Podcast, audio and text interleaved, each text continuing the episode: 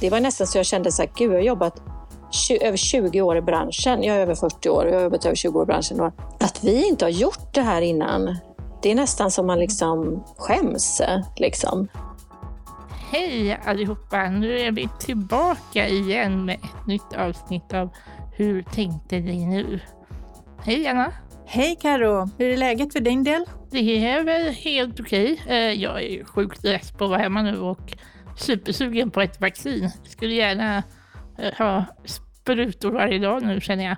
Jag är till, tillgänglig för det om vi säger så. Det här med att sitta hemma och hålla på, man geggar ju runt och man har ju mysbyxor på sig och eh, möjligen om man ska ha ett möte så gör man sig lite tjusigare i ansiktet men inte mycket mer. Hur är det för dig? Um, ja, jag körde väldigt mycket mysstuket uh, uh, i början av pandemin men sen så kände jag att jag dekade ju ner mig fullständigt så det, det höll ju liksom inte. Så jag gick all in. Så jag har ju faktiskt liksom börjat köra ganska hårt nu med smink och hår och kläder bara för att känna mig liksom lite som en eh, representativ person. Så kläder ägnar jag mycket tid åt just nu. Jag hoppar mer än vad jag gjorde tidigare. Men hur är det med kläder för dig som använder rullstol att hitta? Det är inte eh, jättelätt. Dels är det väldigt säsongsberoende skulle jag väl säga eftersom jag fryser hela tiden. Men eh, det är knepigt eh, att hitta kläder som fungerar bra. Speciellt för mig som också behöver hjälp med att ta på mig kläder. Då krävs det att de tål lite stryk och att de faktiskt sitter bra när man sitter. Och det är inte så himla lätt att hitta i de här mainstream-butikerna oftast.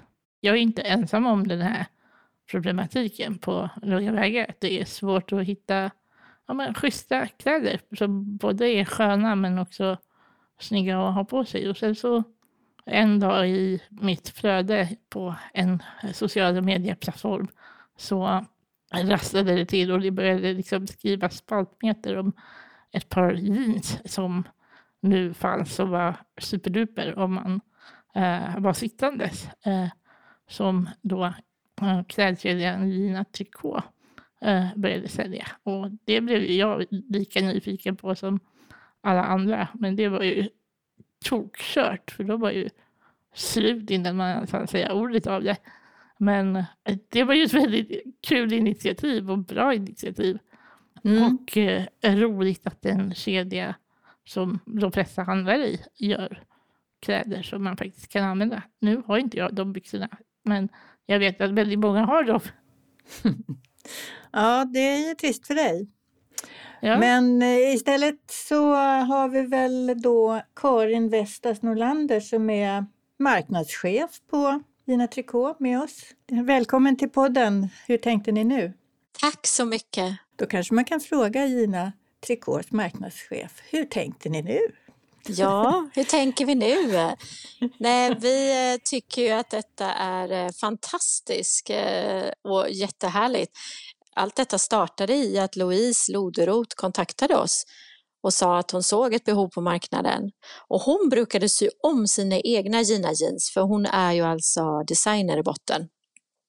Och ville så gärna göra ett samarbete med oss i större skala och kunna erbjuda fler dessa denim för att hon har sytt om till kompisar som har varit så nöjda. Och vi tyckte ju detta var en fantastisk idé och kände att det här ska vi självklart eh, göra och vara med på. Och vi tycker ju att eh, modevärlden behöver ju fler designers som Louise som vågar och utmana. Och också just för att mode är ju till för alla och att vi vill ju skapa en, en ökad medvetenhet och en mer inkluderande bransch. Och när vi, vi har sådana otroliga fabriker i Turkiet som vi har jobbat med i alla år. Jag har själv varit på Gina i 18 år. Eh, vi, jag känner de här leverantörerna. Och för dem är det inga problem att eh, kunna skapa vad som helst i denim. Så att eh, tillsammans med Louise och våra mönsterkonstruktörer inhouse så gjorde vi den här kollektionen då, eller det var hon som egentligen dekonstruerade olika modeller från våra egna denim då. Så att det ska följa kroppen i en sittande position. Och eh, resultatet blev ju helt fantastiskt skulle jag säga. Men det tog ju som sagt slut väldigt fort. Karo fick inga jeans. Nej, jag vet. Och det var också detta som var så otroligt, att det, det blev sån respons. Eh, så att eh, vi ska ju självklart fortsätta med det här, har vi bestämt. Eh, och bara snart här i vår så har vi det egentligen i produktion just nu, kommer snart, nya denim. Och vi vill ju ha detta i vårt sortiment och kunna fortsatt erbjuda det såklart till de kunderna som vill köpa dessa denim. Kommer de finnas i butik eller är det bara online?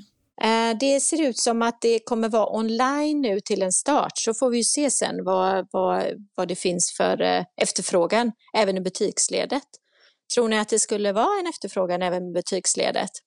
Uh, ja, det tror jag. Alltså, nu under pandemin kanske online är definitivt bättre, men annars så tror jag att det är Många vill ju faktiskt kunna liksom se och ta och känna på plaggen mm. för att se om de funkar. För att man är så vi är ju också många som är inpräntade vi ofta att kläder inte fungerar och då är det ju ganska bra att kunna liksom känna och se. Och så länge tror jag att det är väldigt bra att man online i alla fall beskriver produkten så väl som möjligt så att man kan och att det finns mycket bilder att se och så, här, så att man kan få en bra uppfattning om plagget. Eh, men det är jätteroliga nyheter att ni vill fortsätta. Det tror jag folk kommer tycka är väldigt positivt. Vad har det blivit för respons från andra modeföretag? Eller har det blivit någon respons från andra företag? Nej, vi fick ju väldigt mycket PR på detta, alltså att det var många tidningar som snappade upp det, magasin och tidningar som tyckte att detta var liksom väldigt positivt. Men jag upplever ju inte att vi har liksom hört någonting från andra modeföretag och jag är förvånad att man inte liksom hoppa på det här också. Men det vet jag inte, det är kanske är några andra som kommer med det, vilket jag hoppas. Men vi har faktiskt inte hört någonting från några andra modeaktörer. Vad tror du är, är det stora hindret för det, Karin? För oss blev det ju så självklart när vi kom i kontakt med Louise. För att det gäller ju att få den kunskapen in-house i huset. Precis hur passformen ska vara och hur det ska sitta och så. Jag tror ju att det hade varit eh, lyckosamt för Louise att höra av sig även kanske till andra kedjor utan att nämna några. Men eh, ja, många, finns ju många andra svenska stora kedjor. Eh, och också, ja, för att du behöver få också lite kanske kunskap från användaren för att liksom förstå hur den ska sitta och hur, hur passformen ska vara och så. Så att ehm, ja, jag, när jag träffar Louise nästa gång så ska jag rekommendera henne att kontakta andra företag också om hon inte redan har gjort det. För, och sen tänker jag att det, det kan inte bara finnas en enda designer som har en egen, egen erfarenhet, tänker jag Nej. egentligen. Jag tänker, vad, vad, vad, tror du, mm, vad tror du behövs för att uh, andra designers som inte kanske har egen erfarenhet, för jag tänker att det är kanske ändå ett begränsat antal av uh, egen erfarenhet uh, personer som är designers. Hur ska vi få designers i, generellt att bli mer medvetna och faktiskt snappa upp att det finns liksom bredare målgrupper, tänker du? Ja, jag tror ju att till en början så måste ju på något sätt alla modeföretag ta sitt ansvar och eh, själva vilja göra detta och bli mer inkluderande och se liksom mer möjligheter och hur vi kan liksom ta nästa steg i detta. För det är som ni säger, det är klart att det finns massor med människor som har supermycket kunskap innan det här. Men jag tror att det är klart att det är lättare när man får, för oss var det ju såklart lätt när liksom Louise kom och, och bad om detta så kände vi, det är klart att det här, det var nästan så jag kände så här, gud jag har jobbat 20, över 20 år i branschen, jag är över 40 år och jag har jobbat över 20 år i branschen. Och att vi inte har gjort det här innan, det är nästan som man liksom skäms. Liksom. Ja, men det kanske krävs en sån insikt också från eh, själva företaget att, att man kan bli mött på det sättet. Det kanske inte alltid är så enkelt. Det verkar som att det har varit med den utgångspunkten att du, du själv kände så. Jag, jag funderar på bara lite högt, men hur det skulle kunna vara. Nej, men och jag tror att det kanske är så att man inte riktigt tänker de banorna förrän man kanske möter någon som efterfrågar det. Så att, um, men jag hoppas att detta ska göra att fler modeföretag ser att, eh, att vi gör det och kanske hakar på. Underskattade ni behovet av de här byxorna egentligen eftersom de gick åt så himla snabbt? Eh, ja, det gjorde vi absolut. Vi, vi hade inte koll på att det skulle vara så stor efterfrågan. För det sålde slut jättesnabbt eh, och var en väldigt eh, positiv respons för vi fick inte så mycket kommentarer på att passformen var fel eller dålig utan vi hamnade nog ganska bra där, riktigt bra. Och så, så här är det ju ibland när vi lanserar nya saker. Det spelar ingen roll vad det är. Det kan ju vara bedset eh, inom kategori Home. Eh, och då ser vi att det är en otrolig efterfrågan. Så att eh, det gör vi alltid såklart en justering på till nästa dropp då. Och vi fick så mycket förfrågningar från till exempel USA och från Europa så att det tittar vi också på då. Hur skulle vi kunna nå andra marknader också? Men Karin, det här, det här tyckte vi var jätteroliga nyheter, självklart eh, jag personligen, men eh, framförallt så är det ju väldigt roligt dels att eh, det görs och att det kommer och att det blev så populärt och att förhoppningsvis fler ser vad ni gör och hoppar på ert tåg och att ni också ser ett behov av att fortsätta. För jag tror ju behovet, som sagt, har ju säkert varit uppdämt. Att det, det kommer finnas behov även framöver av att vilja ha eh, bra och snygga kläder. Helt enkelt. Så tack så jättemycket för att du ville vara med. Uh, har det gått, Karin Vestas Nordlander, marknadschef på Gina Tricot. Tack detsamma. Ha det bra. Ja, Janna, det blir kul. Det var ju bara positivt här. Det var ja, ju, det var äntligen kommer man kunna ha byxor på sig. Eller på säga. Jag har byxor på mig annars. Nu låter det som att jag aldrig har byxor. jag har byxor, alla lyssnare, jag lovar. Uh, jag kan, jag, har, jag kan intyga det, jag har sett det.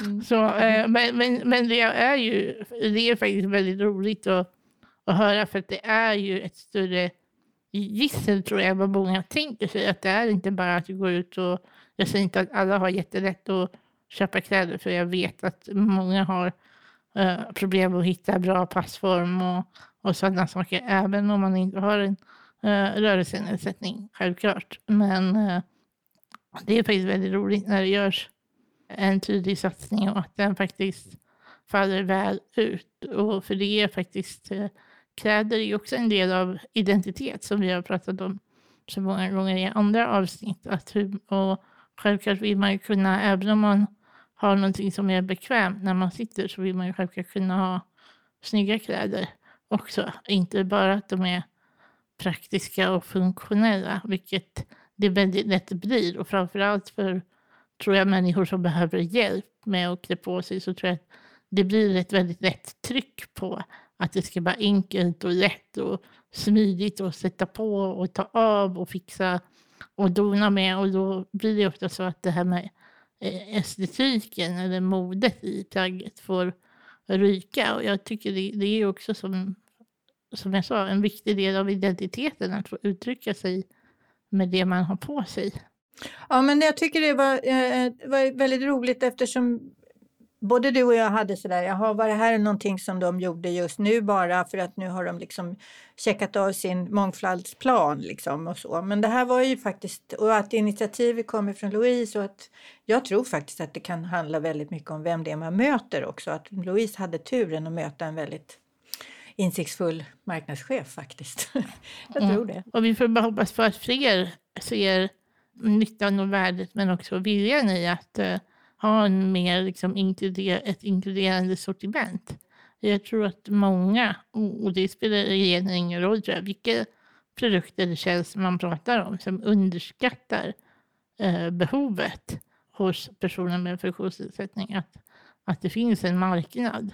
Och det vet vi sedan tidigare att man oftast räknar bort en potentiell marknad i många fall.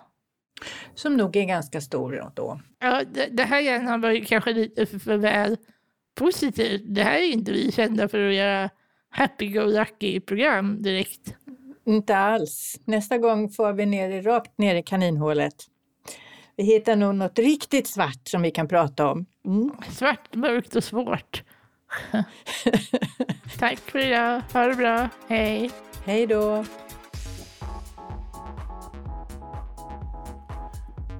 Hur tänkte ni nu? är en podd från DHR. Ansvarig utgivare, Janna Olsson. Hur tänkte ni nu produceras av Filt Hinterland för DHR.